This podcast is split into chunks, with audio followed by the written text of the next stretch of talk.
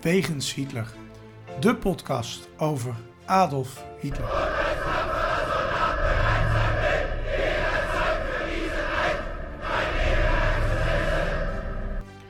Dictator, alleenheerser van 1933 tot 1945. Een man met miljoenen doden op zijn geweten. Das war ein Befehl! Der Angriff Steiners war ein Befehl! Een man waar ongelooflijk veel verhalen over te vertellen zijn. Ook al die jaren na zijn dood. Adolf Hitler heute Nachmittag in seinem Befehlsstand in der Reichskanzlei bis zum letzten Atemzuge gegen den Bolschewismus kämpfen für Deutschland gefallen ist. In deze podcast gaan Sjoerd en Niels van Andel de wegen van Hitler af. Ze kijken naar bijzondere plekken, naar vroeger, naar nu. En ontdekken samen met de luisteraar het bijzondere verhaal van de Führer van Nazi Duitsland. Welkom eh, bij deze nieuwe aflevering van onze podcast, waar we het gaan hebben over, denk ik toch wel, de meest controversiële en angstaanjagende figuur uit de geschiedenis, Adolf Hitler. Nou ja, we weten allemaal Hitler, de leider van Nazi-Duitsland en verantwoordelijk voor de Holocaust en de Tweede Wereldoorlog. En in deze aflevering zullen wij dus specifiek ingaan op een eh, nieuwe plek, eh, datum en dat soort zaken natuurlijk. Ehm, en in het bijzonder zijn, ja, wij noemen dat dan het bezoek aan het Westen. Maar eh, ja, je kunt het een bezoek noemen, maar het, het was wat anders. Hè? Het is een lang bezoek. Ja, het was een vijf lang jaar bezoek. of zo. We gaan daar wat, wat een blik geven op een aantal momenten, ideeën en plannen voor Europa. En uiteindelijk ook voor de wereld van onze Führer. Ehm, dus ik zou zeggen, zet het volume, vol- volume goed hard en we gaan snel aan de slag. Ehm, en onthoud deze intro, want deze intro is nog heel belangrijk straks verder in deze uitzending. En onthoud dan ook dat Niels zei onze vuren. Onze Führer, ja. daar kan iets niet helemaal aan de haak in de Nee, haak zijn. daar kan niet Nee, helemaal iets helemaal in de haak Maar zijn. onthoud dit. Onthoud. Maar onthoud dit. Ehm, wij gaan eh, vandaag weer een hoop bespreken. Eh, we hebben weer een eh, leuke uitzending denk ik voor de boeg. Maar eerst willen wij onze vrienden van de show bedanken. Want we Ja, hebben zeker. een Ja. aantal vrienden gekregen in de afgelopen week. Ehm, als je nu luistert en denkt, vriend van de show, wat is dat? Wat doe ik daarmee en hoe kom ik eraan? Vriend van de show betekent dat je onze podcast financieel ondersteunt. Je zult begrijpen, het maken van een podcast kost gewoon geld. Het gaat niet zozeer om onze tijd, maar het in de lucht houden van een podcast, mokken versturen... eh, een mailserver, weet ik het. Nou, allemaal dat soort zaken kost gewoon geld. Een websiteadres bedoel ik. Mailserver hebben we daar ook bij, maar die gebruiken we eigenlijk niet. Ehm, eh, nieuw materiaal. We willen nog eh, podcasts gaan opnemen op locatie. Nou, daar zitten allemaal kosten aan verbonden. Dus, eh, en wij zijn echt niet zielig, maar we vinden het hartstikke leuk als onze luisteraars een bijdrage daaraan willen doen. Dus we roepen je vooral ook op vriend van de show te worden. 15 euro per jaar, 1,50 per maand. Dus de snelle rekenaars onder ons weten dat ze dus korting krijgen als ze een jaar afsluiten.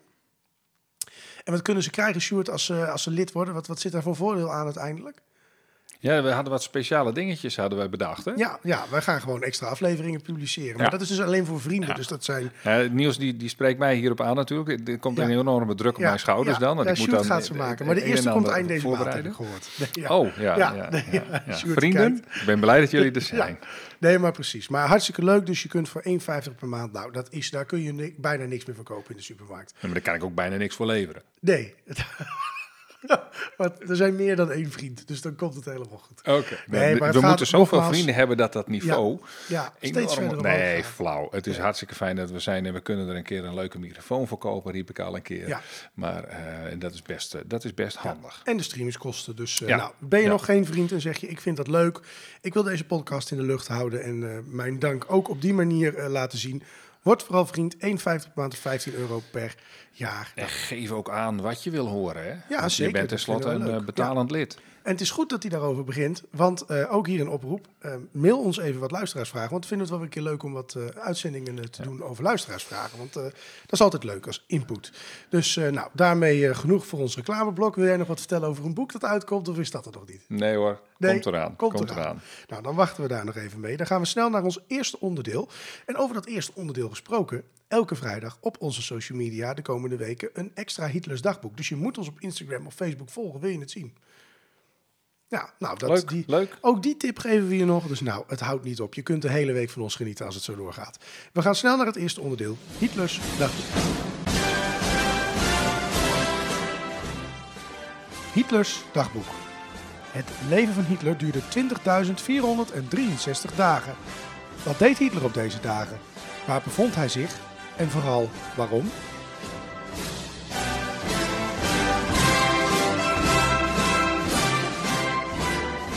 Ja, als deze podcast online komt, is het 13 februari. En wij gaan terug naar een bijzondere datum in 13 februari. Een heel en terug. Ik heb een beetje uh, de hik, merk ik. Dus uh, excuus voor de luisteraars. Maar 13 februari 1927. Wat Ja, was het toen. Sjoerd? Ja, ja, ik, ik, ik ga eventjes, eventjes terug. De 13 die komt zo voorbij. Eh, ik moet het even inleiden. Ik, ik ga terug. Het kan nog verder terug, maar dat doen we niet. We hebben het er wel eens een keer over gehad. Eh, maar ik kwam hem tegen toevallig eh, rond de 13e. Dus dat was wel leuk om dat even te vertellen. Op 25 eh, januari 1927 dan ehm, eh, verstuurt eh, Adolf Hitler een postkaart uit Bayreuth. Dat is, een, dat is een plek waar Wagner vandaan kwam, dus hij reed daar door. En die, die, die postkaart stuurt hij aan Maria Reiter. Dat is een meisje, dat heeft hij ontmoet op de Obersalzberg. Eh, en daar heeft zich een soort amoureuze eh, toestand eh, ontwikkeld tussen Maria en, en Adolf. Maria een heel jong meisje, Adolf al een, volwassen man. Ehm, en Adolf geeft aan van dat hij wenst dat hij haar snel weer terugziet. Dus ehm, eh, hij is er heel vaak niet trouwens in die periode al. Hij heeft haar wel verliefd gemaakt op hem. Maar ehm, nou goed, ehm, hij, hij wil haar weer zien. Maar ja, dan is het eh 8 eh, eh, februari 1927 en dan schrijft hij weer een lange brief aan Maria Reiter. Hij is nog steeds niet bij haar geweest. Die, die datum die is gewoon bekend. Dus, maar ja, goed. En dan komt de 13e er natuurlijk aan. 13 ehm, februari 1927. Ehm, eh, eh, eh, dan- hij schrijft dan in, in een brief van ja, tot zondag 20 februari ben ik nog in München en dan kom ik naar je toe. Dat meisje natuurlijk helemaal in verwachting. En dat klopt ook, want op de 20ste, als je in de, in de lijsten kijkt, dan, dan, dan rijdt hij inderdaad via allerlei dorpjes naar Berchtesgaden toe. Hij gaat die kant op, maar er gaat wel heel snel iets mis. Ehm, namelijk op 14 eh, maart 1927, dus de, die, die, die affaire is daarna heel snel afgelopen. Dan, ehm, dan, dan, dan schrijft Hitler in de Volkische Beobachter, zijn eigen krant, dan, eh, dan heeft hij het over geruchten die, eh, die gaan over een verloving of over, het, eh, het, eh, nou ja, over een verhouding met een minderjarige. Oeh, dat is En niet zo. ja, daarvan wil hij zeggen van nee, maar dat is niet zo. En dat gaat dus over die Maria Reiter, Mimi. En eh, er is een brief gekomen op de, bij de partij, partijcentrale, noemden ze dat, gewoon bij het hoofdkantoor kantoor van de partij. Een anonieme brief. En dat is waarschijnlijk van een van, van de vrouwen die in de buurt van Hitler eh, eh, eh, zich bewogen, vermoeden ze. En er waren in dus een omgang met minderwaardige meisjes, minder, minderwaardige, minderjarige meisjes ehm, eh, werd genoemd. En dat wil hij dus, dus niet. Dus hij schuift een mogelijke verloving of een verhouding met, met, met jonge meiden, wijst hij van de hand in hun eigen blad. En daarna kiest hij tegen Mimi en maar voor de partij. En eh, met het effect, waar we het dus wel eens over gehad hebben, dat het meisje dus een zelfmoordpoging doet. Dat is, die lukt gelukkig niet, dus dat, eh, dat is niet zo. Maar goed, daar, op de 13e schreef hij dus een brief waarin hij zei, ik kom eraan, ik kom eraan. En een maand later, ja, ik moet je niet meer. Want Ja. de partij gaat voor. Ja, heftig. Als je meer wil weten over dit soort dingen, dan kun je luisteren naar eh, de aflevering Hitlers Vrouwen. En daarin bespreken we ook eh, dit meisje Ja. nogmaals. Ja, ja. We gaan snel naar het belangrijkste onderdeel, denk ik nog wel, van deze podcast. En dat is zoals altijd de plek. De plek. Bijzondere plekken of verhalen die te maken hebben met Hitler. Ja, de aanval op het Westen ehm, is denk ik de meest eh, bekende zo'n beetje eh, van wat Hitler heeft gedaan. Hè. Eh, De, met de aanval op het Westen bedoelen we de inval van Duitsland op 10 mei 1940 van Nederland, Luxemburg en België. Ik geloof een uitzending geleden hebben we nog de vraag... En Frankrijk? Frankrijk vooral, natuurlijk, heel belangrijk.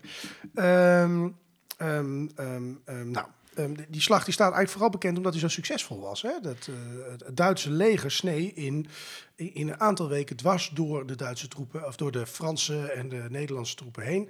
Nederland na vier dagen eigenlijk al eh, gecapituleerd. De vijfde dag officieel, maar Na vier dagen was het voorbij. Eh, België en Frankrijk capituleren uiteindelijk na een week of zes, geloof ik. België nog iets eerder, maar Frankrijk is in zes weken op de knieën gedwongen. En nou, als je nog weet hoe de Eerste Wereldoorlog verlopen is, dan was dat toch een wonder. Want dat had niemand Ja, verwacht. dat was ook vooral in België en Frankrijk. Hè? Ja. Aan die kant tenminste. Ja, precies. Dus eh, dat die slag zo gewonnen is. Wat maakt die eh, aanval nou zo eh, bijzonder? Dat is geloof ik vooral de aanval door de Ardennen. Hè? Dat, dat maakt Ja, het vooral ja, zo bijzonder. Ja. Ehm, En dat probeert hij later nog een keer hè, aan het einde van de, van de oorlog. Maar goed, die is iets minder succesvol, plek. Ja, dat, dat, dat lukte dan weer niet. nee, ja, het ging best aardig. Exact op dezelfde plek geloof ik ook.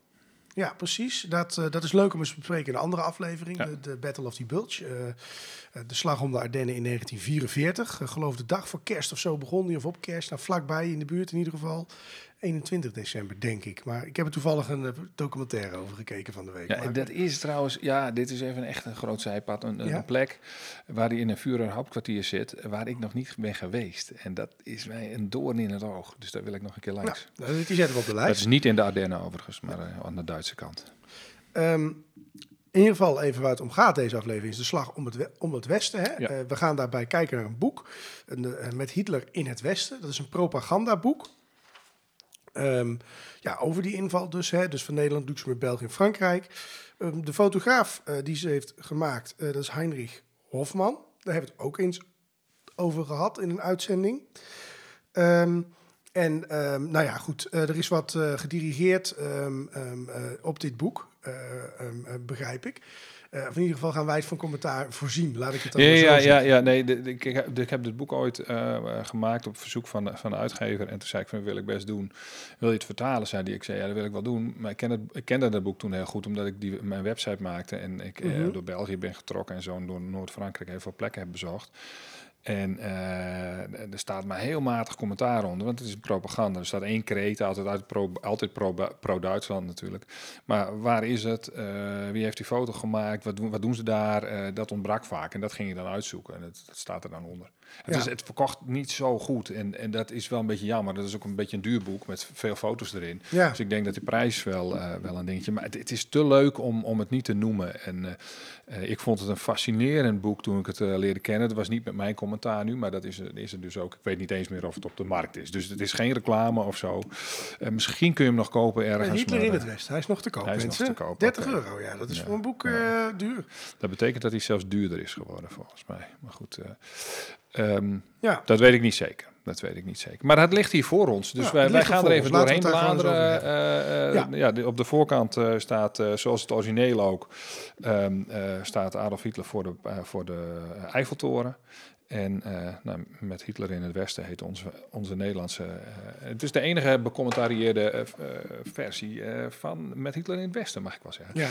Ehm, hij, hij is wel trots, hè? Je kijkt een beetje trots op die foto op de voorkant, hè? Hij Ja. is duidelijk trots op zijn grootste daad. ja, absoluut. Ja, Ja. En laten we eerlijk zijn, het was ook een daad die niemand had verwacht. Nee, hij, Als je nee. iemand had gezegd in 1939, een jaar later, de Duitsers daar de baas waren geweest in heel West-Europa, hadden ze je voor gek verklaard. Eh, ja, ja, dat was dan ook een, Ja. suc- een aardig succesje. Daar eindigt het boek ook mee. Hè? Eh, dat wordt in dit boek ook behoorlijk er- erin gepompt. Dat het toch wel even eh, een, een, een fantastisch succes is. Nou, het is een herdruk, staat er ook. Er zit een inleidingje in. En het zou, daar staat onder andere in dat met Hitler in het Westen zou de, het best verkochte propagandaboek van de firma Hofman worden. Want er was een hele serie van dit soort boeken. En ehm, we hebben ook de oorspronkelijke, het oorspronkelijke voorwoord van wat erin stond, hebben we er gewoon in, vertaald ingezet. Eh, Wilhelm Keitel, die, eh, die de, de, de, de, de legeraanvoerder, die heeft dat gemaakt. En het begint dan meteen met propaganda. Dus dat is wel even leuk om voor te lezen. Er staat toen in de vroege, vroege ochtend van de 10e mei 1940 het Westfront ten strijde trok, zagen het Duitse volk en de wereld de uitkomst van de strijd in spanning, maar met hoge verwachtingen tegemoet. Nou, die hoge verwachtingen die waren natuurlijk vooral voor de Duitsers. In rotsvast vertrouwen op de hoogste leiding en in de eigen kracht waren landmacht en luchtmacht vastbesloten de vijand te verslaan en te vernietigen. Nou, daar zit dus die propaganda. Hè. En in die samenwerking ook natuurlijk, want Keitel is natuurlijk een, een, een hoge man in het leger en die wil dat duidelijk laten zien. Ook even weet je, naar dat andere onder, legeronderdeel een knipoogje. En zo bazelt hij een tijdje door. En, eh, dan begint, begint eigenlijk direct de fotoreportage. Want veel tekst staat er niet in. Het zijn alleen maar foto's. Ja, Nou, nou waarschijnlijk dat Beginnen we daarom hier. veel mensen het lagen. lazen. beginnen we hier. Ja, Wat zien we? ik zie een soort muur, lijkt het, hè? Eh, eh, voor de mensen die het boek hebben, het is bladzijde 9. Ja. Ik zie een soort muur waar mensen opklimmen met ladders. Ik denk dat het een muur is, als ik het zo zie. Duitse troepen die daarvoor in de rij staan. Eh, maar het lijkt wel alsof ze een fort inklimmen of zo, eh. Ja, ja, over het water. Hè. Je ziet die bootjes Ja, in het water liggen. Fascinerende foto vond ik. Ik dacht, ik, eh, dus er staat bij dat, dat of ik, ik kwam erachter op een of andere manier dat dit de Maas moest zijn. Die zijn Duitse troepen die, die willen het water over, maar er is, ze kunnen er niet over komen. En toen dacht ik van, dit is een brug. En die brug is waarschijnlijk opgeblazen. Mhm. En die is vernield. En, maar waar? Dus ik ben heel onnozel. Ik ben de hele Maas afgegaan. Ik heb alle bruggen die er nu nog zijn, die heb ik genoteerd. En toen ben ik gaan zoeken van wat zou het kunnen zijn. En toen via via kwam ik erachter dat het de, de, de Sint-Servaasbrug in Maastricht was. En, ehm, en, en die werd dus opgeblazen. En, die werd, en je, je kunt het in, inderdaad ook wel zien. Er staat iets van stol bier of zo. Er is iets, iets met bier, met B-I-E-R. Dus dat klinkt, dat lijkt Nederlands. Ehm, ze proberen de Maas over te komen. En daar staat erbij, en dat vind ik opvallend, de vijand was een meester in vernielen. Ehm, nou ja, toch werd daarmee de Duitse voortgang niet gestopt.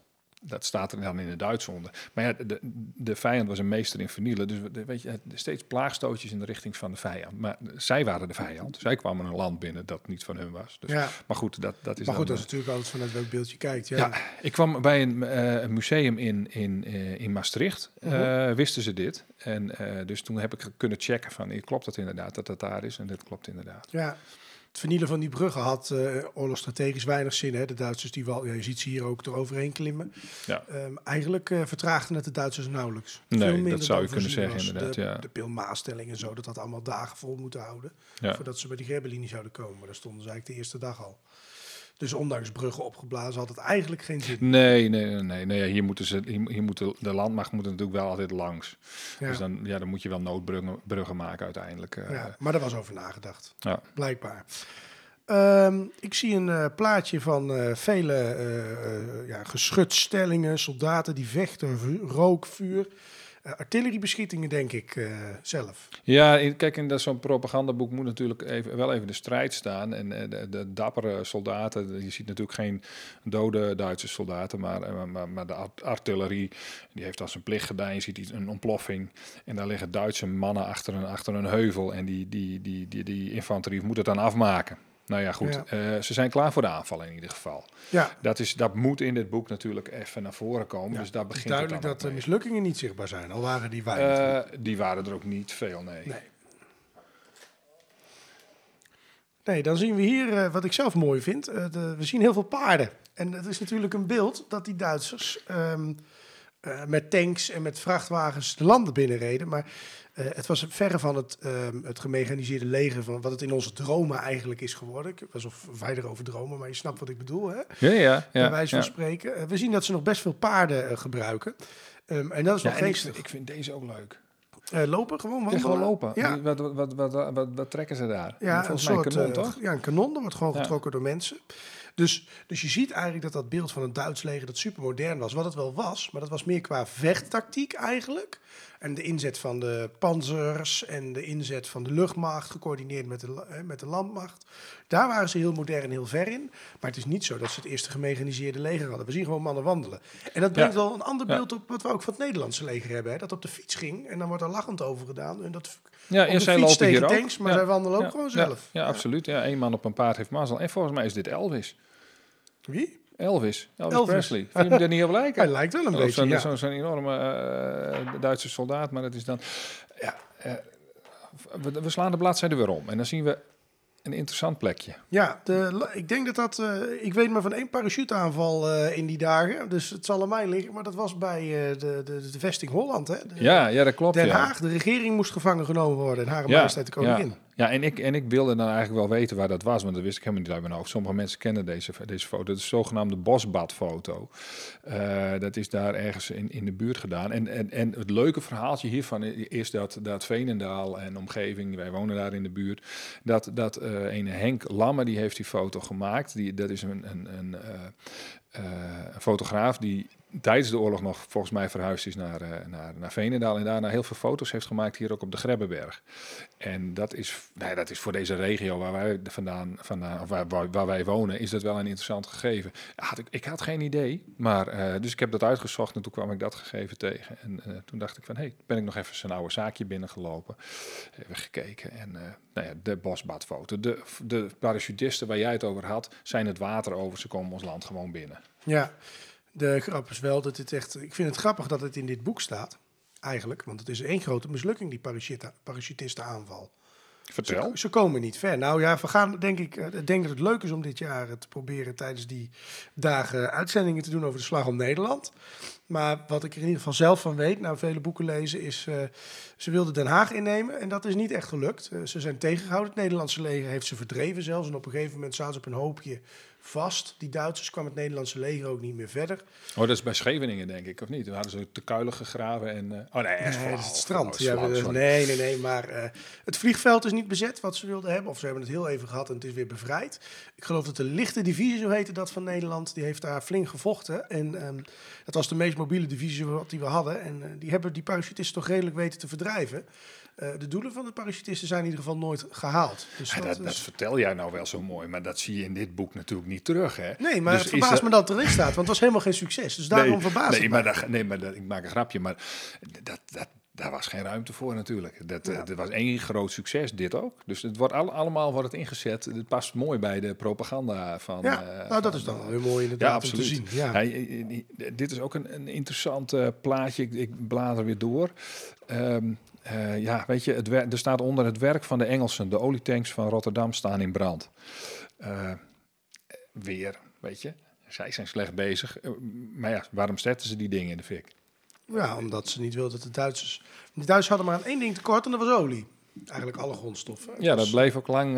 Lang bleef lang een probleem, ja. ja dat is uiteindelijk ook een van de redenen dat ze de slag om de Ardennen hebben gedaan, hè, in 1944 omdat dat, er werd op een gegeven moment voorspeld dat ze nog maar voor een jaar materiaal hadden. En al zou Duitsland het nog een jaar volhouden, wat toen al lang niet meer kon. Nee, maar, ja. uh, dan een jaar later zou de industrie stoppen met produceren omdat er geen materiaal meer was. Nee, dus ze nee. hadden dat al helemaal uitgerekend. Dus er moest iets gaan veranderen, anders was het gewoon voorbij. Ja. ja. Nou ja, wij weten nu wel dat dat zo is. Maar we gaan terug naar de slag om het Westen. Ja, ja, ja, ja nou goed, hier, hier, hier uh, Rotterdam die, die olietekst. Ja. en, en je ziet natuurlijk een uh, Zullen er vast geen plaatje staan van een paar dagen later dat ze het zelf hebben gedaan? Nee, nee zeker niet. En, en, en, nee, goed, ja, ja, al die, die opgeblazen spoorbruggen. Um, uh, het wordt zo langzamerhand uh, de tijd om te verschuiven naar, uh, naar, naar een volgende, volgende regio. Ja. Um, we gaan hier. Ja. Um, we gaan naar een plek waar ik Hitler uit zie komen. En het lijkt mij een bunker. Ja. Was dat een hoofdkwartier van hem? Ja, dit is een van de hoofdkwartieren, het Velzennest. En het, in het begin van, er zit geen enkele logica in. Uh, en dus als je dit ziet, dan denk je dat deze pagina, waarin Hitler uh, samen met een, uh, een adjudant de, zijn bunker uitkomt, gecamoufleerd helemaal, allemaal takken omheen, overheen. Uh, uh, nou ja, dat, dat hij bijvoorbeeld naar een bijeenkomst uh, gaat, van de foto daarnaast, dan staat hij namelijk met Von Rundstad, generaal veldmaarschalk, staat hij naar een kaart te kijken. Dat zal wel in hetzelfde gebied zijn. Nou, ja. dat, daar stoort dit boek zich totaal niet aan. Het gaat gewoon een beetje om het idee, en waar het precies plaatsvindt, doet er niet toe. Dus je denkt, die is daar. Nee, dat is niet zo. Want dit is Velzennest leuke plek. Je, je kunt er geen uren rondlopen. Het is een heel klein dorpje, Rodert heet het. En de, de ruïnes van die bunkers liggen daar. Dat, zijn, dat, het waren forse bunkers, een paar. Een paar eh, en dat is het ook. Hè. Dus je ziet beton, kapot beton. Maar Ze het was proberen op te blazen, begrijp ik. Ja, het is buiten het dorp op een heuvel uh, in, in Duitsland nog. En uh, daar kun je echt... Het, nou ja, ik vind het leuk, maar je kunt het combineren met, met een aantal verschillende dingen in die regio. Wat wel interessant is, een oude V2 en dat soort dingen. Um, ja, ik vond dat heel fascinerend. Het was zijn favoriete Führerhauptkwartier, omdat de vogeltjes er ook zo mooi zongen. Je hoorde er ook geen kanonnen, want dat was, vond allemaal plaats in België natuurlijk. Ja. Ja, ja, en, dan, ja, en het plaatje daarnaast is dan Bastogne. Dat is, uh, dat is dan, uh, goed, dan zit hij, uh, dan zit hij weer bij de... Toen had hij het nog. Toen? Nou, jaren later is er voor. Als het over dezelfde ja, gaat, is dat in de. Wij komen steeds terug op die slag om de Ardennen in 1944, maar daar is ook heel hard gevochten. Ja, ja, ja, ja. 44 en- hebben ja, ze niet kunnen ja. bezetten meer. Nee, en dit is, dit is dan op het hoofdkwartier van, eh van Rundstedt. eh. Ja. Dat is dat. En dan zie je, dan zie je een aantal plaatjes. De, en eh, je wordt, het is heel verwarrend ook. en- want hier staat dan weer Bruy de Pesch. Hij gaat op een gegeven moment van het Velzennest, die bunkers uit Duitsland, trekt hij, omdat dat- die troepen ook verder trekken, Mhm. gaat hij in de Ardennen zitten. En in, dat is in een klein dorpje. En dus tussen die foto's door, in dat Velzennest met al die vogeltjes, staat ineens een foto van houten barakken. Dat is ook een aanrader.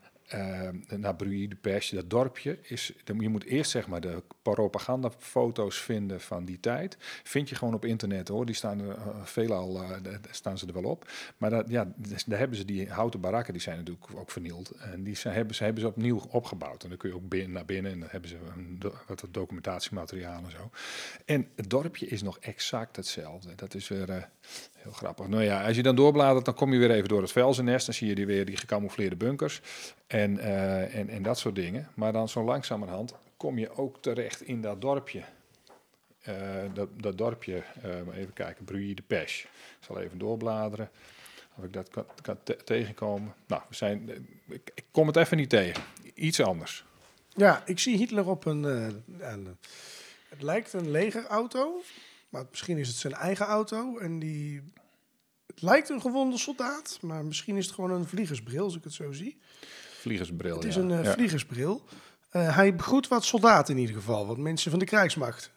Ja, eh, het is in Ieper dit. Eh, dit is inderdaad zijn, zijn, zijn, zijn legerauto, maar wel zijn eigen legerauto. Mhm. Dus met, met grote, grote wielen.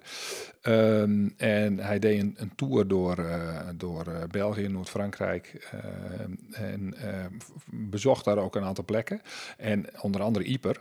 En dat had ook wel te maken met de Tweede Wereldoorlog, maar ook met name met de Eerste Wereldoorlog, Ja, waar hij vroeger was geweest. Hij was nooit in Ieper geweest hoor, in de Eerste Wereldoorlog, maar het was natuurlijk een beroemde plek. Ja, Dus hier krijgt hij wat informatie van de mensen daar. Dit is in de Kouwekijnstraat. Als je even verderop loopt, dan heb je die grote, eh, die, die grote poort. De Menenpoort of de Meense poort. Waar ze dan altijd eh, om acht uur s'avonds, of weet ik veel wat, op een bepaald tijdstip... dan blazen ze dan eh, op de toeter voor, nog steeds voor de Eerste Wereldoorlog. Dus dat, nee, Ja. daar, daar wilde hij natuurlijk per se langs. Dus dan, nou ja, dan... dan, dan gaat hij op tocht. Hij Ja. is niet alleen bezig met het coördineren van de troepen vanuit Bruy de Pesch. Af en toe pakt hij een Mhm. vliegtuig. Nou, Of hij gaat even naar Bastogne, maar hij wil ook op een aantal plekken kijken. Dan gaat hij hier, dit plaatje. Mhm. ja daar zie ik hem staan. tussen eh, rechts, links, ja, rechts van hem voor mij dan, een generaal. Eh, en ik, ik, weet- ik weet eigenlijk verder niet goed wat ik zie. Een soort eh, heuveltje, wat zand. Ja, Het is een soort, ja, het lijkt een soort uh, land. als je, als je hier onderaan de foto kijkt, dan zie je van die, van die zandzakken liggen. Dus een Ja. soort, als je er nu naartoe, naartoe gaat, dan, dan hebben ze die ook. Dit is de heuvel van Fimi. Dat is zo'n zo'n heuvel, dat zijn van die historische verhalen waarin, die zijn dan op een gegeven moment is die heuvel van de Canadezen. En dan vallen de Duitsers weer aan en dan bezetten ze die heuvel of ze ondergraven die heuvel. En dan, dan- dan allemaal explosieven erin, mijnenvelden, toestanden. Ehm, eh, en, en hier is dan op die heuvel hebben ze ook een groot monument voor de Canadezen opgericht. En Hitler die gaat eh, bij de, in, in de Tweede Wereldoorlog gaat hij kijken bij die plek waar ontzettend veel stuivertjes gewisseld, eh, gevochten om die, om die heuvel. En zijn regiment heeft er ook gezeten. Alleen hij was toen op dat moment was hij met verlof of hij was ziek. Hij was er in ieder geval niet bij. Nee. Dus dat. Wat ik wel ehm, eh, bijzonder vind, is dat hij eh, dus niet de hele tijd eh, troepen aan het aansturen is.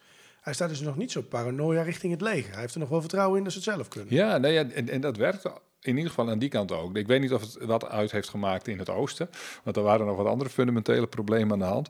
Alleen, eh, nou ja, goed. eh, Nee, hij, hij, heeft, hij heeft rustig. Hij, hij gaat even op de Kemmelberg. Daar ben ik ook op, op geweest. Dat is een, leuk uitzichtpunt met een mooie toren erop. En hier heb je die, die, die, die, die, die, die palen van Vimy. Da- Dat is ook een mooie plek om te bezoeken voor, voor mensen die interesse hebben. Vlak daarbij is nog een andere eh, plek, de Loretto-heuien, daar waar die ook geweest is. Dit is echt, dit is al dat Canadese gedenk, eh, die, eh, die gedenkpalen. Mhm. Die stonden er toen al en die staan er nog steeds. En dat is, nou ja, hier ben ik zelf ook eh, rond gaan lopen. En Oh, verbaasd ongeluk op een mijnenveld er, eh, terechtgekomen waar ik niet had moeten lopen. Maar goed, dat is een, eh, dat is een ander verhaal. Dus dat, eh, nee, dit, is, dit zijn echte propagandafoto's van een toertje die hij door Noord-Frankrijk... En hij komt ook nog wel op wat plekken die, eh, die, eh, die echt eh, ook geen bal te maken hebben met die hele Tweede Wereldoorlog. Hi- Hier weer zoiets. Ja, hij staat weer, ja, hij staat weer over een veld te kijken. Een soort gedenkteken weer, hè, als ik het zo zie. Waar kijken we naar, uh, Sjoerd? Ja, ja twee, twee foto's. Eh, je hebt hier een, eh, een, een, een, een, Hitler die kijkt eigenlijk naar hetzelfde punt. Ehm, eh, kijk, hier, hier heb je gras en hier heb je gras. Hij staat bij een aantal tombes waar Duitse eh, eh, soldaten zijn begraven, bij Langemark.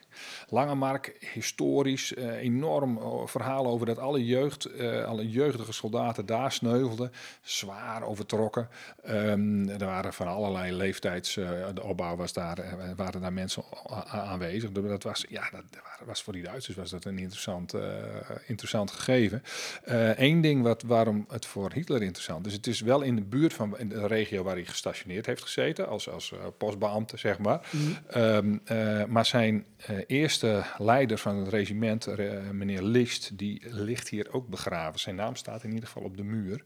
Eh, want die, die, is daar, die is daar wel in de buurt gesneuveld. Dus op, tijdens de eerste dagen trouwens, hoor, van dat, dat het regiment eh, eh, ten strijde trok, was die man al overleden. Dus, nou ja, eh, hij is op tour. Hij eh, gaat eh, overal naartoe. En, en, hij gaat ook wel eens wat andere dingen doen. Toch Ja. wel even wat ontmoetingen met mensen die ertoe doen in het leger. Ja, hij staat duidelijk. Hij staat bij iemand eh, te praten, is duidelijk op deze foto. En er staat daar onderuit, onderaan kolonel- kolonel-generaal Strauss. Ja, Ja, wie is dat? Ja, Ik ken hem niet. Nee, de- nee, helemaal niet. Nee, nee, nee, deze ja, is een generaal van de infant- infanterie en die, die, die, die daar ontmoet. Het is eh 2 juni 1940. Hij is in Avalain in Frankrijk. En, en, en deze, ehm Von Bok, ja, die kom je ook nog wel eens tegen. Maar ik, daar weet ik de verhalen niet van hoor. Ehm, eh, hier in Brussel-Everen. Nou ja, dat, dat vliegveld, daar kun je naartoe gaan. Dezelfde plek proberen te vinden. Zo'n nozel was ik toen nog. Maar dat zou ik op Brussel-Everen niet proberen. Want dat ziet er toch net even iets moderner uit dan tegenwoordig.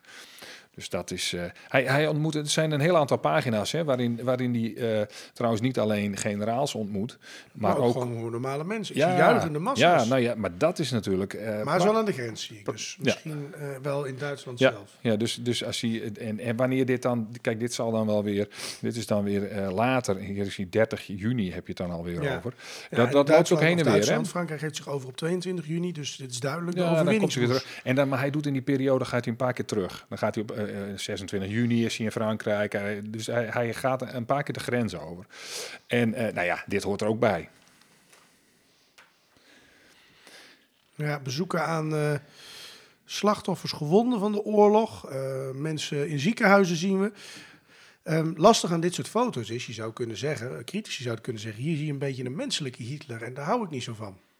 Ja, ja, maar dat moet wel in die propagandaboeken natuurlijk, hè? Dus, dus eh, dat is je, nou juist het, het, punt van die hele propaganda. Hier zie je Herman Geuring trouwens. Die staat ook bij iemand die, eh, die gewond is geraakt eh, tijdens die... ze zien er trouwens wel behoorlijk goed uit, deze gewonden. Je ziet geen vreselijke toestanden met, met armen die eraf zijn. Nee, of weet ik Kan veel. ergens een kogel gezeten hebben, maar dat zien we hier dat, de. Dus dat, dat, dat vinden Maar ze de dan weer wat te heeft duidelijk ook oog voor zijn soldaten. Ja, absoluut, absoluut. En dan hebben we natuurlijk het materieel. Schitterend spul. Ja, Ja, een enorm kanon zien we hier. Ja we zien, eh, Duitsland stond ook bekend om zijn enorm goede artillerie. Hè? Dat Ja. goed spul. Ja, degelijk spul, konden goed richten, dus dat was eh, super. ja, nou Wat ja, dat goed. betreft, hè, vanuit hun oogpunt. Ja, uiteraard. eh, wa- wat het volk hier, hier ja, die, dit is natuurlijk wel, kijk, een kanon op de foto, hartstikke interessant. Zeker in die periode, omdat je te maken hebt met technologie die zich heel snel in rap tempo had ontwikkeld. ja. Dit soort kanonnen, de eerste varianten hiervan, eh, eh, eh, die waren er wel, maar die zijn een stuk kleiner. Kun je in dat, in dat museum in, bij Soest kun je dat ook zien, hoe, hoe, hoe snel zich die enorme kanonnen ontwikkelen. ja, heel interessant museum, een, zeker. Ja, ja, absoluut. Ja. En dan, dan, Railguns maar, maar, maar, nou komt hij. Ja. Wat zien we hier, Niels? Ik denk Bertha, volgens Ja. mij heette die zo. de, de dikke eh, Bertha's, hè? Je, je kunt, daaronder kun je zelfs... Ja, we zien twee foto's naast elkaar. Ehm, eh, je kunt hier de trein eh, eh, de, Stijl zien, ja. zien, ja. Ja, er was één kanon, ik denk dat dat dan deze is. Dat was een enorm geweer. En daar hebben ze geloof ik drie keer mee geschoten in die hele oorlog. ja, ja. En dat was dit ding, denk ik. Er zijn ook mooie foto's van Ja. de Porsche er ook bij staat, geloof ik. Nee, maar het zijn enorme, enorme kanonnen. Eh, het nadeel was, hij moest op rails, speciale rails zelfs geloof ik nog extra. Of die moest je in ieder geval gelegd hebben. En eh, ze hebben daar geloof ik wel even met de Maginot-linie geschoten. Eventjes, een tijdje. En ze hebben hem ook wel een keer in Rusland gebruikt. Maar hij is vaak teruggetrokken. Maar, nou het mysterie. Ja. Nou het mysterie van deze twee foto's. Ja. Ehm, valt je er iets aan op? We hebben het over, ik geef een hint, ik geef een hint. Het is mei. Het Ja, is mei. ja, ik zie nogal wat sneeuw. Het lijkt sneeuw. Waar in Europa, nee, waar aan de grens Met Duitsland. met Duitsland, tussen wat mij betreft Frankrijk, ligt er in mei nog sneeuw. Waar ook een treinlijn München. dat is niet de grens met Frankrijk. In München heb ik het gezien. Maar dat eh, was wel in de bergen. Dat, ja, dat, dat, dat kan. Maar dit ziet er Nee. niet uit als echte bergen of zo. En hoe kan zo'n enorm kanon hoog in een berg komen? En wat, wat, wat is de functie daarvan? Ja. Dus hier klopt iets niet. Ze hebben toch maar wat fotootjes gemengd. En, en ja, ze spreken, hier staat eh, een, een, een pronkstuk van de Duitse wapentechniek. Nou, eh, drie keer afgeschoten en dan ben je er. Eh, ze spreken de taal van een moderne oorlog. Het ziet er natuurlijk qua propaganda fantastisch uit. Ja. Het is in de winter opgenomen. Er klopt eigenlijk helemaal niets van. Nee, fantastisch onpraktisch wapen ook als je hem niet kunt gebruiken. Maar ja, handig. Ja, ja, ja, ja, ja. Oh ja, en hier, hier was ik naar op zoek. Bruy de Peche. Ehm, hier is het dorpje, is nog precies zo. Dit is, dit is dat tweede... Er staan 8,5 hoofdkwartier. huis. Ja, dat, dat is het ook. Ja, Ja. Misschien is er één huisje bijgekomen. Ehm, eh, en nou ja, goed, dit, volgens mij staat het bord er zelf nog. Valt je hier iets van op, aan deze foto? Er staan wat bekende naam mannen op, maar... eh, Nee, mij niet. Misschien dat er iets... Nee, het lijkt kapot geschoten, maar... ja, dat is niet zo. Nee, nee het is Dit zo gebouwd. dit, is een, dit, is, dit is Martin Boorman, Herman Geuring, Adolf Hitler. Nee, Adolf Hitler hier. Ehm, voor een kerkgebouw, maar er mist één dingetje van, eh, van de toren. Dat is namelijk de punt. En dat had een, had een doel, want Hitler zat hier natuurlijk in dit dorpje. En die had een aantal van die gebouwen. En dan hier in het bos, zeg maar, daar, daar had hij zijn, zijn, zijn, zijn, eh, zijn bunkertje staan. En daar, een, eh, zo'n eh, barakken stonden daar. Maar ja, die punt, die, die trok alleen maar meer vliegeniers. Dus die hebben ze eraf gehaald om iets minder op te vallen. Want die, die, dit, dit was ongeveer op, op boomhoogte, dan viel het wat minder op. En anders kon je die, die, die toren wat makkelijker zien. Dus het is gewoon een soort, soort van camouflage. Oké. Dus dat is. eh Ja. dat is en Bruy de Pers, dat is echt een, een, een plek waar je, waar, je, waar je naartoe kan. eh, wat, eh, nee, er was zelfs een klein vliegveldje bij. Dat was voor Geuring altijd wel interessant. En, Nou, en om alle de vuren snel weg te krijgen bij nood natuurlijk. Ja, ja, ja, dat klopt. Ja, ja, ja, overal was trouwens bij elk uh, hoofdkwartier, hoofdkwartier, dan heb je eenzelfde soort opbouw. Je hebt een soort de, de, de intieme ring, die is echt goed bewaakt. Er kan niemand naar binnen en, en, en, en ja, gewoon, gewoon veel soldaten. Um, en dan heb je daar een ring omheen van, van, van geschut en van, van tanks. En als het een, vaker gebruikt uh, gedeelte is, dan staan er ook bunkers. En daaromheen heb je altijd een plek waar een vliegveld is. En een trein en weet ik veel wat allemaal, maar altijd een vliegveld. Dus hij moet altijd snel weg kunnen. Ja. Dat is, uh, dat is absoluut waar, ja. Wij uh, we, we, hebben nog allerlei blaadjes en de, de, de, de, de ja, C komt er ook nog niet even. Ja. Nee, nee, nee, dat is ook helemaal niet nodig. Maar ja, weet je, uh, er is een oorlog gaande. Die was ook al gaande. Hè. In, Noor in, in, Noorwegen was die al gaande. eh, daar hadden ze al het een en ander laten zien. En hier de Noordzee. Ja, de slag om de Noordzee die werd later natuurlijk nog veel belangrijker, ook onder Dönitz. Uh, ik zie een, uh, een, een Engels vliegdekschip dat uh, klaarblijkelijk geraakt is. Ja, en, en zingt. valt ik dit dan weer eens. op, hè, deze, ja. dit onderschrift. Even kijken. De bemanning van de Engelse torpedobootjager wordt onder moeilijke omstandigheden gered door de Duitsers. Ja, toch even doen alsof ze, ze menselijk zijn of zo? Moet ik Misschien dat? waren ze dat toen ook nog. Ja, ja, later niet meer zo. Maar dat was aan de andere kant overigens ook niet hoor. Dat nee, niet nee, nee, maken. Maar bij de marine is dat misschien ook wel, wel een, een, een, een ding of zo. Dat, waar, waar, waarbij dat. Uh, nou ja, het risico van zo speelt. stil gaan liggen is dat de vijand ondertussen jou even plat schiet, natuurlijk. Uh, ja. Ja, ja. Nou, uh, kijk, daar ging natuurlijk van alles mis. Dit is ja, treurige plaatjes. Dit kan maar één plek zijn natuurlijk. Wat we hier zien. We zien uh, Britse soldaten met helmpjes die lopen een, een duin op. Uh, nee, hier is een, een bunker. Um, het ziet er niet zo vrolijk uit. Hier een gewonde Brit. Ja. Um, ja, dat, Ja, eh, we zien, we zien hier eigenlijk stranden van Duinkerken ook. Hè? Eh, Ja. na de mislukking van, ehm, ja, voor de Duitsers de, het lukken. En voor de Engelsen eigenlijk ook het lukken van het terugtrekken van het Ja. Engelse leger. Ja. Eh, maar die moesten wel alles achterlaten. En dat is ehm, ehm, ja, de beroemde speech van, eh, van, van Churchill komt daar. We zullen vechten op onze stranden, in onze straten, maar we zullen nooit overgeven. ja. We will Ja. never surrender komt daar. Ehm, en cynische ondertekst die er toch bij staat, die wil ik toch zeker even voorlezen. Zo hadden ze zich hun opmars naar, opmars naar Berlijn zich niet voorgesteld. Nee, nee. En wat, wat ik ook wel graag dat wilde weten is wie is nou de fotograaf die deze foto's heeft gemaakt. Daar kom je lang niet, achter, eh, lang niet altijd achter. Het is, meestal wordt dat dan geclaimd door Hein- Heinrich Hofman. Ehm, er staan ook foto's in die bijvoorbeeld eh, eh, eh, nou ja, ingeleverd zijn door, door, door Nederlandse fotografen. Dus die, die Nederlandse fotograaf van, dat, van het vliegveld. Dat is, dat is dus geen Heinrich Hofman foto, maar de, de rechter die zijn natuurlijk eigent die zich gewoon toe. Hij kon later die foto kon hij ophalen bij het, eh, wat nou, waar onze Tweede Kamer nu zit. Nou, nu eventjes niet zit. Het Binnenhof? Daar staat namelijk de SS. Ehm, en dit, dit is, deze is ook gemaakt door iemand van de propagandacompagnie. En die staat dan bij die Britse soldaten. Dus die, die worden natuurlijk gevangen genomen. Als, die zullen vast wel weer vrijgelaten zijn of zo in die tijd. Dat weet ik eigenlijk niet. Of ze zijn vijf jaar. Dat, ik, ik weet het eigenlijk niet wat ermee gebeurd is. Nee, nou. Misschien weet een luisteraar dat. Ja, dat vinden we leuk. Wat gebeurde er met de krijgsgevangenen in de eerste weken, in de eerste jaren ja, van de oorlog? Die, in Bastogne, die Engelsen, die, eh, die Britten die daar eh, gevangen werden. Nou ja, ehm, eh, nou ja, dan nog wel wat andere foto's.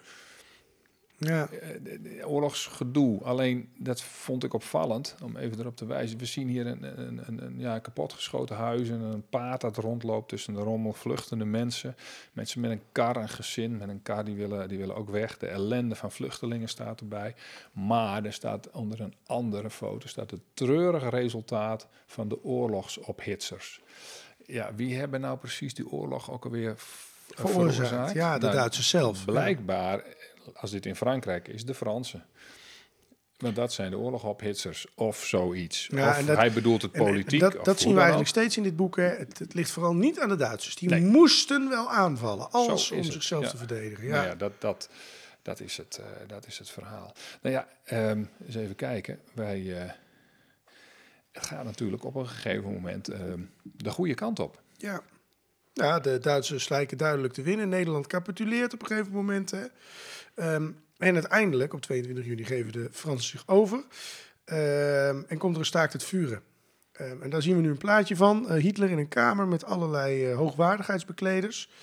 Ehm, en ik denk ook dat daar wel dan wat geallieerden bij zitten, of niet? Nee, hier niet. eigenlijk Nee, niet goed. nee, dit is in zijn hoofdkwartier. Ja. Dit is ook in, in, in, in, eh, in, in de Wolfsloeg 1 heette dat. Eh, er is ook een Wolfsloeg 2, eh, ook in Frankrijk. En Bruyje de Peche is dat weer, dat is dat dorpje. En die, hij, hij zit in een aantal van die barakken, maar hij heeft ook een aantal van die huizen geannexeerd. Die is Martin Boorman dan weer bijvoorbeeld. En dan luisteren ze naar het, het, het, het journaal, eigenlijk het Duitse journaal, dat vertelt dat ze gewonnen hebben. Nou ja, En, en daarna staan ze allemaal met gestrekte arm, zoals we dat kennen nog uit die periode. Staan ze daar... eh, ja, Hitler zelf ook trouwens. ja, ja, ja. Ja. Dus dit is, dit is de overwinning van het Duitse leger natuurlijk. eh, en eh, de overwinning van Hitler. Waar, Waar die, eh, nou ja, waar, waar- waar ook echt... eh, waar die beter had kunnen kappen achteraf. eh, ja, hij had hier moeten stoppen. En dan, ja, dan, dan, dan krijg je natuurlijk het meest symbolische plaatje. Ehm, soldaten op paarden voor de Arc de Triomphe. Ja, En eh, dat, is, dat is wat er gebeurde. Parijs is ingenomen. En eh, ja, dat, dat vinden ze natuurlijk prachtig eh, om, om te tonen. En even kijken, dan moet ik even bladeren. Waar is dit? Ja, eens even kijken. Ja, die, de, de, de, de chronologie houdt, houdt te wensen over, want we gaan toch weer even terug. Ehm, nou, dat vindt de, de maker van het, van het boek wel, wel zo, zo, zo prettig. Misschien was Heinrich Hofman eh, af en toe eh, flink aan de wijn of zo, Mhm, ik weet het niet. Maar hier, hier zie je, nou ja, eh, beschrijf jij het maar eens, wat zie je? we zien een, ik denk een jonge Hitler bij zijn regiment. eh, op een Zeg je dit wat? Er zit op schoot bij een van zijn, zijn, zijn, zijn maten daar Een hond? een hond. Ja, Ja, het is een hond. Hè? Ja, dat verhaal heb je wel eens verteld. Hè? Dat hij een hond vond en die heeft hij meegenomen. Ja, en die zit daar op schoot bij een van zijn kameraden. Die Ja. is ook weer kwijtgeraakt op een Oh. gegeven moment. Ja, die hond is kwijt. Maar in ieder geval, hij is daar. En het lijkt mij dat hij een paar jaar later op dezelfde plek terug is om dat eh, te gedenken. Ja, en, eh, je kunt het hier aan zien. Hè? Die, die steentjes, die- ja. die- en die muur is er nog. Dat is, dat is, een, eh, dit is in, in Fromel. In 1916 en 1940 is hij daar weer terug. Nou ja, ik ben er ook geweest. Het is, een, het is wel weer een beetje opgedirkt, maar die muur staat er nog steeds. Ja, samen dat met zijn is- vrienden staat er ook met twee oude kameraden. Ja, Dus eh, ja, ja. hij gaat weer terug met een deel van zijn oude regiment. Ja, dus hij is weer op tour en hij, maar hij gaat nog wel wat meer doen, want de, de, de, de vrede is getekend. En tussendoor eh, gaat, hij, eh, gaat hij dus eh, hier en daar naartoe. Hij gaat op, op, op 23 juni is hij in Frankrijk. Er is over die datum wordt wel wat geleuterd. Maar ja, dit zijn twee symbolische dingen. Ja, hij schijnt ook heel veel met Napoleon gehad te hebben, Hitler. Hij gaat ook naar die tombe toe. Ja, nou deze foto bijvoorbeeld. Daar staat hij daar. Ja, Kijk, te kijken naar die tombe. Ja, dat ja. graf van Napoleon. Overigens, eh, Was Zijn- onder de indruk, was hij. ja, van eh, Napoleon. Zijn vergelijking met Napoleon stopte op wonderbaarlijke wijze in 1941. Toen wilde hij daar niet meer eh, te veel mee vergeleken worden. Ja, nou, leg uit. Nou, toen was de inval in, in Rusland, zeg maar, de Ja, Sovjet-Unie. ja. En die is voor Napoleon niet zo goed afgelopen. Nee, nee, voor Hitler. Maar goed, daar kunnen we het, voor kunnen we Hitler het nader over natuurlijk ook niet, Nee, uiteindelijk. Maar goed, nee, Verre van. Nee, nee, dat is ook zo. Nou ja, eh, dat boek dat gaat natuurlijk verder. Allemaal plaatjes die, die, die met eh, Parijs te maken hadden. En, en, ja, en aan het einde, daar zit er toch nog wat opbouw in. Een enorme serie met, met foto's. Nou ja, met een, nou, hier, hier twee pagina's dan in ieder geval met buit. Ja, hij ziet enorme, je ziet olietanks die worden ingenomen, ge- lucht of geschud, gewoon geweren. Ja, die moesten gedemobiliseerde troepen inleveren. Ja, Nederlandse soldaten. Gewoon eh, banden en wielen en, en, en, en, en wat een geweren zeg. Nou ja, goed. eh, je, je zou bijna zeggen, stuur ze ergens naartoe. Maar eh, ik weet niet of ze ze gebruikt hebben. Geen ja, er is wel veel van de, de Volksstorm heeft uiteindelijk veel ook buitengemaakt materiaal gebruikt. ja, ja. En tanks en zo zijn ook wel ingezet, geloof ik, bij de inval in de Sovjet-Unie die ze buiten maakten. Oké. Ja, daar heb ik ook nog wel eens foto's van gezien. Van die, het zijn van die kleine Franse tankjes Ja. nog. eh. Eh, dit is ook nog een, eh, een historisch belangrijk. Dit is... Hitler en Mussolini samen, dat zien we in ieder geval. Ja, dat is, dat, dat is, dat is hartstikke leuk. Ehm, eh, maar dat heeft eigenlijk niet zo heel erg veel te maken met, met, met de rest. Want dit is eigenlijk het, het boeiendst voor, die, voor, die, eh, eh, voor deze, deze periode 1940. Mhm. Je ziet Hitler met Mussolini. Wat moet dat er nou weer bij, weet je wel? Nou ja, Mussolini is ook binnengevallen in Frankrijk. Was iets minder succesvol in het zuiden van Frankrijk. En wel een Ja, stukje ja, na de Franse overgave, dat, dat, dat, dat is ook het verhaal inderdaad. Die, die wil hij, dat stukje van Frankrijk wil hij dan hebben. Eh, ja, die vriendschap moet natuurlijk getoond worden. En dit is ook een maskering dan, denk ik, van, van, van hij heeft geen zak gepresteerd. Nee, en hij nee. wil nog wat, dus dan maken we, maken we er Nee, maar de een enige feestje keer van. dat Italië succesvol was, was tegen, dat toen ze vochten tegen dat land met alleen maar speren. Dat was eh, enorm, ja, eh, ik weet niet meer, Ethiopië, of Ethiopië een van die... het zo? ja, dat stond in mijn geschiedenisboek van ja, vroeger. Een van die landen daar hebben ze in Afrika. beeld. Ja, Ja. ja, die kon niet echt terugvechten. En nee, nee, maar dat, nee, nee. eigenlijk ook schrijnend als je erover nadenkt dat dat 2000 jaar daarvoor nog het machtigste land, eh, de machtigste natie ter wereld was. Hè? Ja, ja, ja. Ja, is de laatste keer dat ze goed hebben gevochten. Nou, we gaan... Ja, ten tijde van, eh, van, van Asterix en Obelix. Dat was toch eigenlijk Ja. wel eh, de hoogtijtijd van, Ja. van Italië. Maar goed, dat is een andere. Ja. Compiègne, 1940. Eh, zegt, het nog, zegt het je nog wat? Nee, Ehm, dat is wel eerlijk. Ja, nee, dat, ja. Eh, op een gegeven moment, je, het verhaal ken je. Op een gegeven moment aan het einde van de, van de, van de Eerste Wereldoorlog wordt de vrede getekend in een, oude, in een oud treinstel. En dat oude treinstel dat stond op het spoor in Compiègne. En dat ding dat is bewaard. En dat hebben ze daar neergezet. En daar staan allemaal. eh, nou ja, hier ligt een grote, gro- grote gedenksteen op de grond. eh, over die overwinning van de Fransen op de Duitsers. En daar staat Hitler dan bij te kijken. Er zijn zelfs foto's van dat een ander ding, waarbij een, een, een Duitse vogel op de grond ligt eh, en, en als het ware vernederd wordt, dat er een doek overheen is getrokken van met, met nazi-vlaggen. Ehm, maar dit, dit bekijkt hij dan gewoon. En hier, op dezezelfde plek, trekken ze die, die, die, die, die, die, die, die treinwagon er weer uit.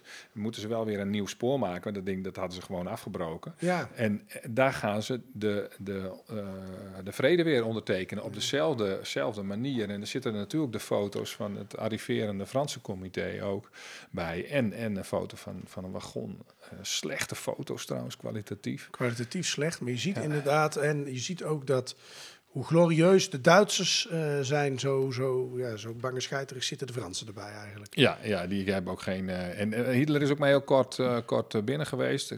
Wel, die, die, die, die le- leest dan een soort van inleiding, een preambule of zo, leest hij voor bij de onderhandelingen. En dan gaat Hitler alweer weg en dan laat hij de onderhandelingen aan de rest over. Want ja, dat is te veel eer.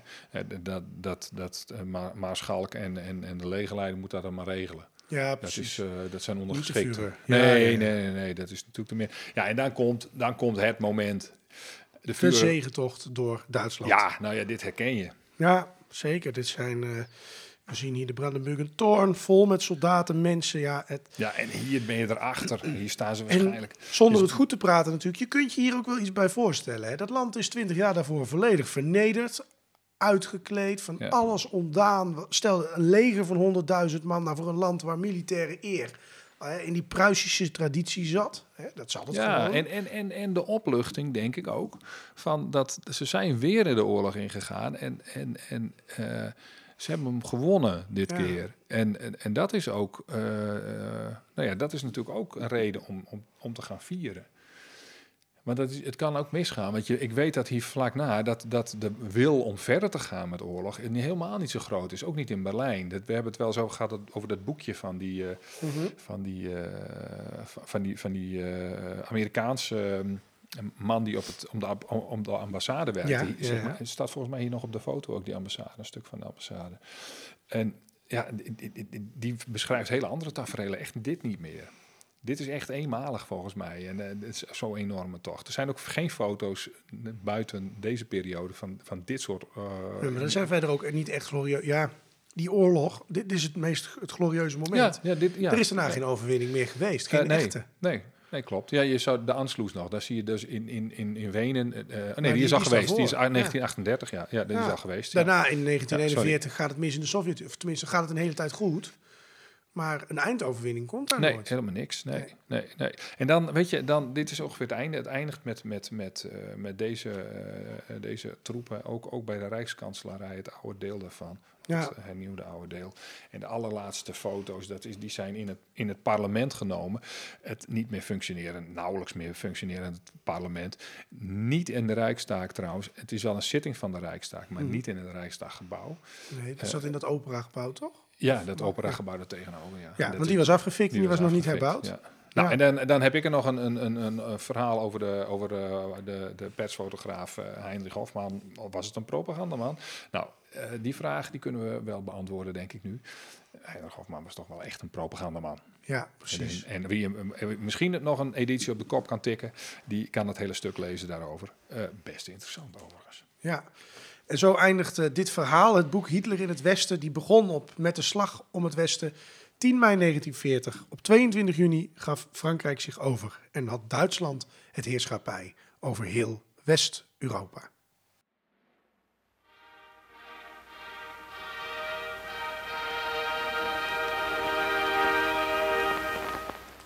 Het Nazi-journaal. Bijna dagelijks is er nog wel iets te vinden over Hitler. Hij is in het nieuws, er is een stuk in de krant, een tweet, een interview of een nieuw boek.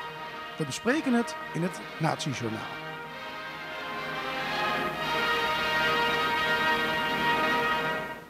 Ja, leuk eh, nieuws eh, vandaag. Nee, geen leuk nieuws, maar eh, wel het nieuws van een luisteraar. Dus die vonden wij de moeite waard van Jelle.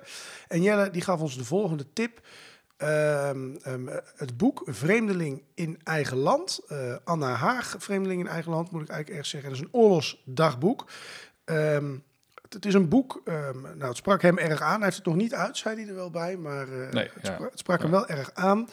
Ehm, het beschrijft de oorlog vanuit het oogpunt eh, vanaf het moment dat het gebeurde. Dus eh, dag tot dag moet ik er eigenlijk bij voorstellen. Ehm, en daar moet je ook bij voorstellen dat je dus de angst en de onzekerheid vanaf dat moment meekrijgt. En eh, dat druipt er ook echt vanaf, die angst Ja, die er is. Ehm, Oké. Het beschrijft ook de oorlogszuchtige tendens die er in de samenleving op dat moment heerste, met name. Mhm. Ehm, en eh, nou, nou, zij, zij vond dat dan blijkbaar heel beangstigend dat, die, dat, dat, die, Ja, dat, er zo erg was. Kan ik me voorstellen, ja. Ja, zeker. Ja, wij, wij, ja, nou, ik vind het alles eng hoe het nu gaat tegen Rusland. Dus moet je nagaan eh, Nou ja, als je land echt in oorlog is. Ehm, Ehm, wat, wat wel bijzonder is, eh, de Action T4, de Action T4, die is in Berlijn in begin 1940 eh, van kracht geworden. Eh, als ik het goed zeg. Ja. Ehm, en eh, zij beschrijft die eigenlijk ook al eh, vrij recent daarna. Ehm, en dat gaat dan over het doden van krankzinnigen en geesteszieken. Dat zijn mensen met een defect en die zijn in het Rijk niet welkom. We hebben het de vorige aflevering gehad over de Holocaust. En daar hebben we Ja. het met name gehad over Joden. Maar vergeet ook niet dat mensen met eh, homoseksualiteit, eh, Roma's, eh, Zigeuners en ook mensen met Ja, ja, gewoon. Ja, weggeruimd werden. Ja, en dit is een hele andere actie die TV, maar dat dat toen al genoemd was inderdaad. Dat is Ja. wel opvallend, ja. Dat dat al bekend was in Nederland. Ja, Maar daar is ook wel tegen geprotesteerd. Heeft ook een tijdje stilgelegen, hè, die actie. Dat is wel, want da- daaruit blijkt dat Hitler zich ook niet alles kon permitteren. De katholieke kerk heeft geprotesteerd. Er zijn mensen, ouders, die, ervan, die niet wisten waar hun kind gebleven was. Die hebben geprotesteerd. Toen heeft dat een tijdje stilgelegen. ja. Dat vind ik wel opmerkelijk. Dat er was dus wel eh, een soort van angst voor, tegen die propaganda, zeg maar. Als het niet meer propagandistisch eh, werkt of zo, dan, dan, eh, dan moet je ook, nou, dan stoppen we maar even. Ja, precies. Ja. Ehm, nou ja, goed. een, ik denk een hele mooie tip. Ik heb het zelf nog niet gelezen. Ik vrees dat ik er ook niet aan toe kom de komende twee weken. Maar nou ja, voor de luisteraars die zeggen ik vind het leuk om, of interessant of goed om te lezen, dan zeker doen. Eh, we hebben nog twee andere nieuwtjes. Ehm, ehm, eentje van de NOS van afgelopen zaterdag. Ehm, en dat gaat over een eh nazi-bloedbad eh, in Ordor, Orador sur Glane. Ik denk dat ik het niet goed zeg. Het is Frans en daar ben ik niet zo goed in. Het is wel heel bekend in ieder Ja. geval, een hele bekende plek. Maar de laatste overlevende van het nazi-bloedbad daar is overleden. Ehm, ehm, Robert Hebras was dat en die stierf op 97-jarige leeftijd. Ehm, de- de- dat plekje dat ligt midden in Frankrijk. En het is het toneel van een van de meest beruchte Duitse oorlogsmisdaden in Frankrijk in de Tweede Wereldoorlog. Mhm. Eh, wat gebeurde er nou? Nou, op 10 juni 1944, dus dat is vier dagen na die day, ehm, werden daar de huizen in, een do- in het dorp door de SS-divisie Das Reich in brand gestoken en de inwoners daar vermoord. Dan moet je denken, hoeveel mensen wonen er dan? Hoeveel mensen zijn erbij omgekomen? 643. Nou, enorm, ehm, ehm, enorm eh, aantal. Eh, de mannen werden gewoon doodgeschoten, vrouwen en kinderen werden samengedreven in de kerk en levend verbrand. Tja, Nou, dan- Ongelooflijk, dan- eh, ja. lompheid. Ja, en dat laat ook weer zien. Als je bij de SS zat, dan was je echt fout. Bij de Weermacht heb je nog, kun je nog twijfelen. Ehm, slechts zes inwoners, hè, dus zes maar. eh, onder wie dus de Hebra die, 18 die toen 18-jarige Hebras Ja, ja. wisten te ontkomen. Nou, dat vreselijk. Ja, en je Ja. vraagt je toch ook af ehm, ehm, ehm, waarom. Eh, hij heeft daar overigens ooit een boek over geschreven. Dus dat is te lezen. En eh, dat, dat dorp is ook nooit herbouwd, hè? Nee, Nee, nee, klopt. dat dorp, nee, eh, is Nee, het is wel een herdenkingsoord eh, nu sinds 1999 of zoiets, dacht ik, had ik even Ja. opgezocht. Ja, Ja, ja, dus dat is ook wel echt, als je in de regio bent. Ik weet ook wel van, ik heb wel eens een berichtje gehad eh, van mensen aan de website die, die waren daar geweest. Het is wel een nou ja, interessante plek om te gaan, een beladen plek. Maar Ja. Helaas hebben we nog meer beladen ellende. Eh, een complottheorie is weer opgedoken. En dat is dit keer ehm, ehm, van neonazies. Die beweren namelijk dat het dagboek van Anne Frank eh, niet echt is. En dat eh, durven ze te stellen op basis van dat er met balpen geschreven zou zijn. Nou, die was na de Tweede Wereldoorlog pas beschikbaar in Nederland. Dat klopt allemaal. Ehm, alleen die, die, deze complottheorie is al lang een keer weggeveegd. En waarom? Daar zaten gewoon wat aantekeningen van een onderzoeker in het origineel bij, wat losse velletjes. En eh, ja, dan kun je natuurlijk zeggen, ja, eh, dat heeft Anne Frank geschreven, maar eh, nou, dat was dus verre van het nee, geval. het had ook nog een printje kunnen zijn, Ja. zeg maar uit, uit eh, 1998 of zo. En dan hadden we ook niet gezegd, kijk, ze was, nee. Dat nee, het boek is nep, van- want er zit een printje ja, tussen. Nou, nou, dat, dat, nee. dat niveau een beetje. Dus, nou, maar dat sluit eigenlijk ook denk ik weer mooi aan bij onze aflevering van vorige week. Geloof niet in complottheorieën en geloof dit keer maar de mainstream media. Van nu naar vroeger. Wat speelt er nu in ons nieuws en hoe zat dat in de tijd van Hitler?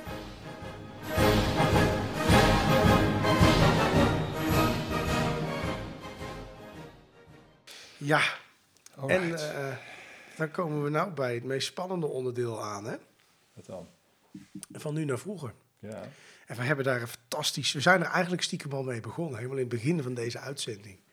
Want eh, je kunt er eigenlijk niet meer omheen. AI is overal. Eh, Microsoft en Google zijn de oorlog begonnen tegen elkaar op dit punt. Mhm. Eh, ChatGTP Ehm, eh, dat is een, een app, een eh, programma. Ik vind het een Ja, fantastisch ik, programma. ik zie Sjoerd nu ook gewoon binnenkomen, Ja? wandelen, terwijl ik eigenlijk al aan het woord ben. Ja, ik heb, hij heeft nog geen woord gezegd Nee, en hij nee. komt alleen even checken of jij goed bezig bent. Maar Precies, ja, nee, Nee. Dus, nee maar het is, het is een AI-software die heel veel kan. Kan programmeren, kan teksten schrijven.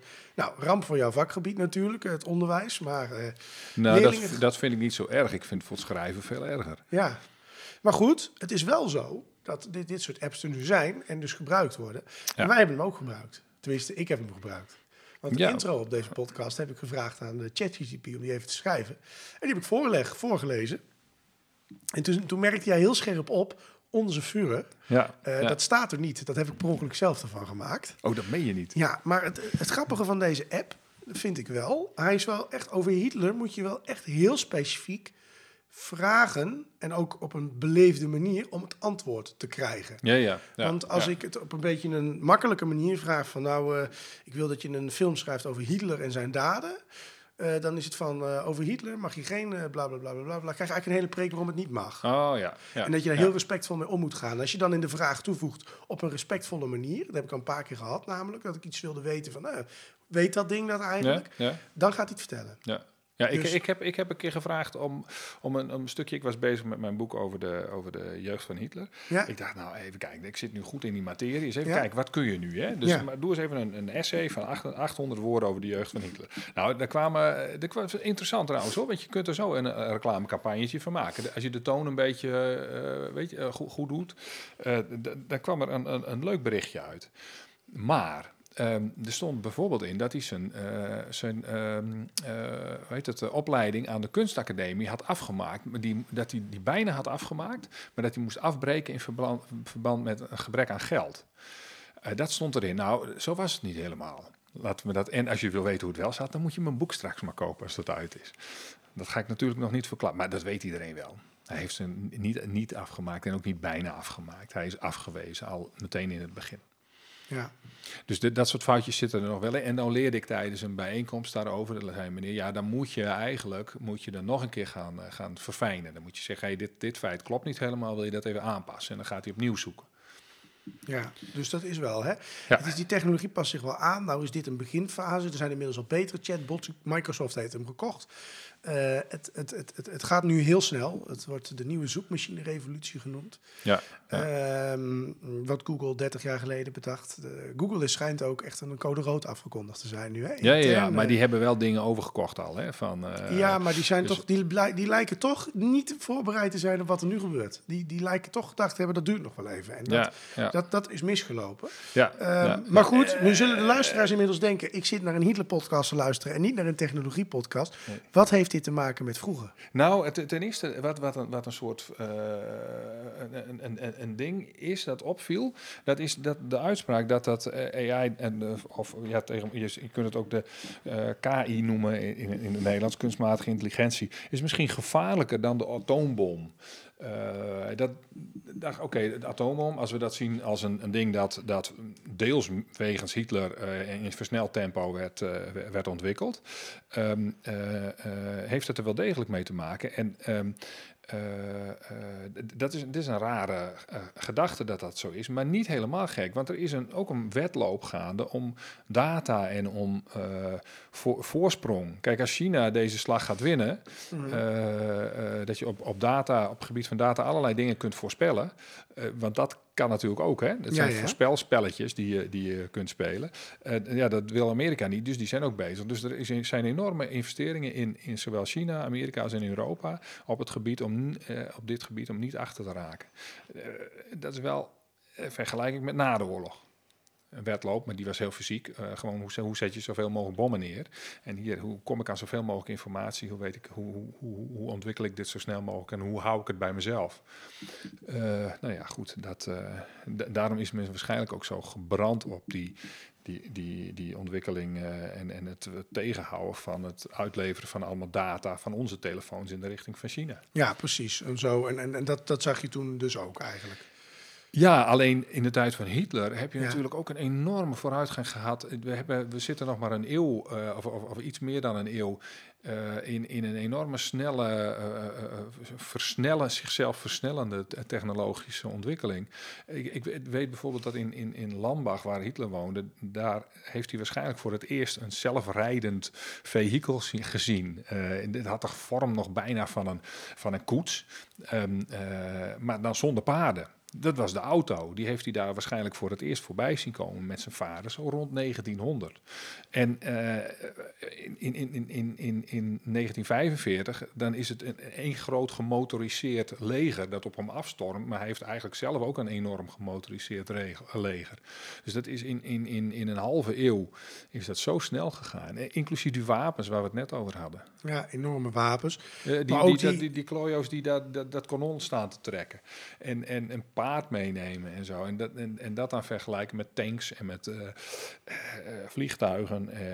De eerste straaljagers werd al, werd al over gesproken. Ja, maar er waren er ook. Hè. De Duitsers hadden de eerste straaljagers. Ja. Ze hadden er ook zat. Ja, Het was alleen jammer dat ze geen brandstof hadden. Dat was verrekt onhandig. ja en, en, en die ontwikkeling die werd ook niet volledig doorgezet. Want dan had je weer dat, dat, je, dat je een gat kreeg in, in, in de productie van vliegtuigen. Dus het was ook allemaal te voorzichtig en zo. Ja, radio, bioscoop, eh, tv, voorzichtig. eh, de, de fotografie die ineens kleur werd. Er was, er was heel veel sprake van, van, van, van, van ontwikkelingen.